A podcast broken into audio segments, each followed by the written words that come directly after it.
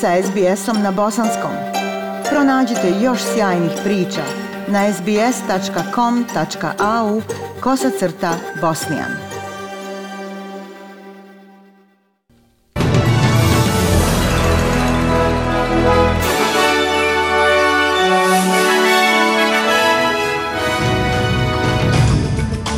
U današnjim vijestima poslušajte. Koalicija predviđa budžetske mjere za ublažavanje povećanih troškova života.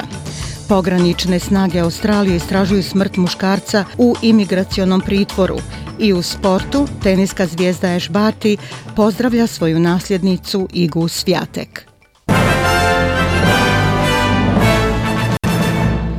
Slušate vijesti SBS radija na Bosanskom. Savezni blagajnik Josh Frydenberg obećao je australskim porodicama da će u budžetu ovog utorka biti predviđene mjere za ublažavanje pritisaka na troškove života. Frydenberg kaže da su mjere osmišljene tako da ne povećavaju inflaciju i ne izazivaju ranije povećanje kamatnih stopa od strane rezervne banke. U razgovoru za SBS News gospodin Frydenberg kaže da povišene cijene roba i snažne snažno tržište rada znači da je krajnji rezultat budžeta u poziciji koja je bolja od očekivane, ali odbio je otkriti da li će biti uključena pomoć za troškove života kao što je smanjenje akcize na gorivo ili proširenje niskog i srednjeg poreza na dohodak.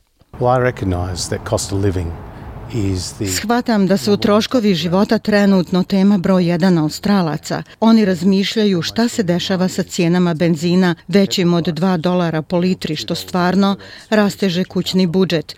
Tako da mi pripremamo olakšice za troškove života u budžetu utorak naveče. To će biti privremeno, ciljano, proporcionalno i pomoći će u suočavanju s nekim od tih pritisaka. Ali opozicioni blagajnik Jim Chalmers rekao je za ABC da su povećani troškovi života u Australiji uzrokovani neuspjelim politikama pod skoro desetogodišnjom koalicijonom vladom. Nikakva količina novca raspršena u okolo u oči izbora neće natjerati Australce da zaborave deceniju napada na plate i sigurnost posla. To je dio razloga zašto su Australci bili pod ovim pritiskom troškova života. Nisu se pojavili u posljednjih nekoliko sedmica.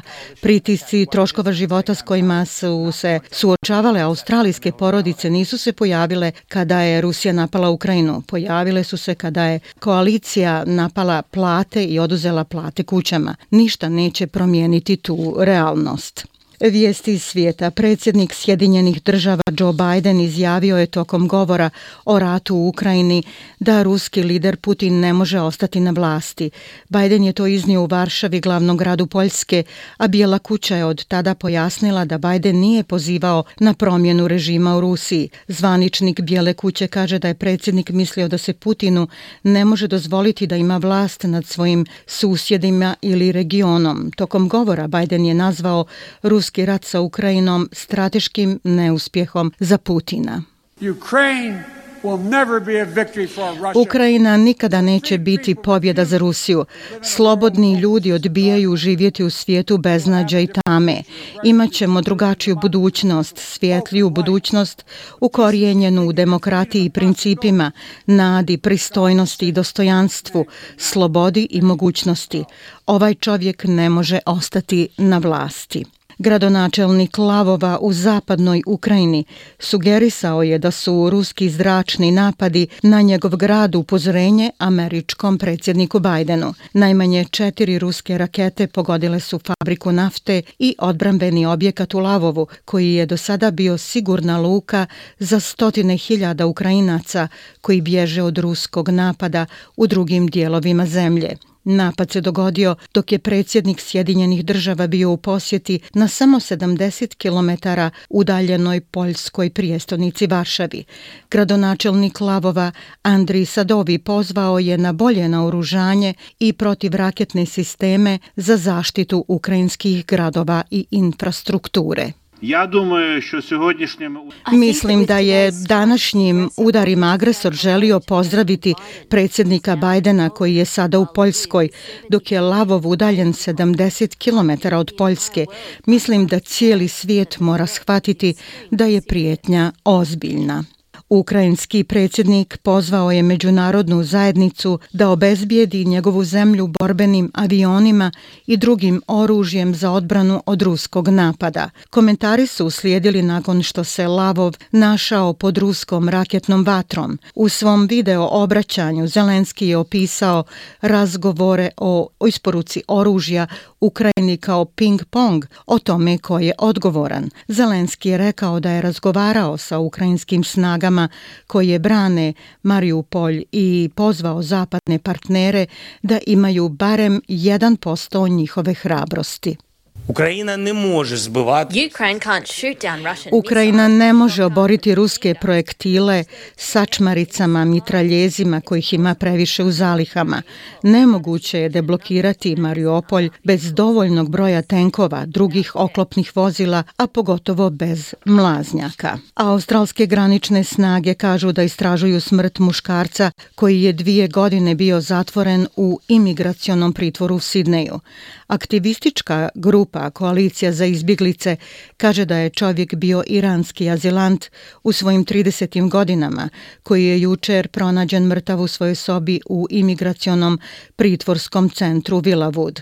Australske granične snage potvrdile su da je jedan zatvorenik preminuo u Vilavudu. Oni kažu da je stvar proslijeđena na istragu odgovarajućim agencijama, uključujući mrtvozornika Novog Južnog Velsa. Također ističu da je zdravlje i sigurnost pritvorenika i osoblja prioritet, a odjel je izrazio saučešće porodici i prijateljima čovjeka. Koalicija za izbjeglice kaže da smrt azilanata naglašava posljedice australske tvrdokorne imigracione politike na mentalno zdravlje izbjeglica i tražitelja azila. U Viktoriji od covid je preminulo još pet osoba, a zabilježeno je 7466 novih slučajeva koronavirusa. U bolnici je 260 osoba zaraženih virusom. U Novom Južnom Velsu od covid je preminula još jedna osoba sa 17450 novih infekcija. Pakistanska aktivistica za ženska prava i dobitnica Nobelove nagrade za mir Malala Yousafzai izjasnila se protiv odluke Talibana da djevojčicama zabrani pohađanje srednje škole u Afganistanu. Talibani su neočekivano odustali od obećanja da će dozvoliti djevojčicama da pohađaju srednju školu, što je izazvalo međunarodno negodovanje. Ova odluka uništava napore da se poboljša tretman Talibana prema djevojkama i ženama i kompromituje svaki pokušaj da se dobije novac međunarodne pomoći. Govoreći na panelu na forumu u Dohi u Kataru, Malala Jusufzai je dovela u pitanje tu odluku. They were waiting outside their schools, but the gates were closed. And Čekale su ispred svojih škola, ali su kapije bile zatvorene i one su plakale. Plakale su medijima, plakale su svojim roditeljima. Zašto im se to dešava? Samo zato što su djevojčice? Zašto ne mogu da uče? Zašto ne mogu da se obrazuju? Jemenska grupa Huti saopštila je da će obustaviti raketne i bespilotne napade na Saudijsku Arabiju na tri dana. Grupa kaže da bi mirovna inicijativa mogla biti trajna obaveza, ako koalicija predvođena Saudijskom Arabijom koja se bori u Jemenu zaustavi zračne napade i ukine ograničenja u lukama. Nasilje između te grupe orijentisane prema Iranu i Saudijske Arabije dramatično je eskaliralo ovog mjeseca. Saudijski zračni napadi jučer su pogodili morske luke Hodeha i Salif koje kontrolišu Huti, dok je u petak navodno osam ljudi ubijeno u napadima na saudijsku naftnu fabriku u Džedi. Brutalni rat u Jemenu izbio je 2014. nakon što su Huti zauzeli glavni grad Sanu. Mjesecima kasnije Saudijska Arabija i njeni saveznici pokrenuli su razornu zračnu kampanju kako bi istisnuli Hute i obnovili međunarodno priznatu vladu.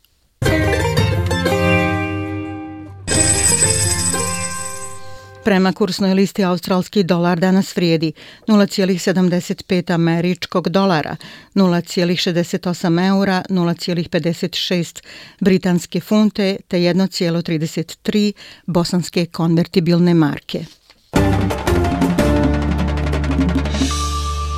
I u sportu prva teniserka svijeta u ostavci Ašbarti pohvalila je svoju nasljednicu i prijateljicu Poljakinju Igu Svjatek. 20-godišnja Svjatek zamjenjuje Barti nakon prošlosedmične šokantne ostavke Australke u dobi od 25 godina.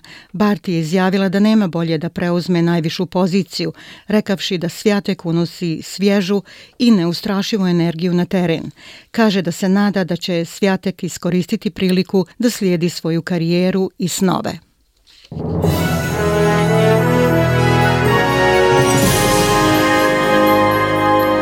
I za kraj poslušajte temperaturne vrijednosti za veće gradove u Australiji. U Pertu 26. Like, share, comment.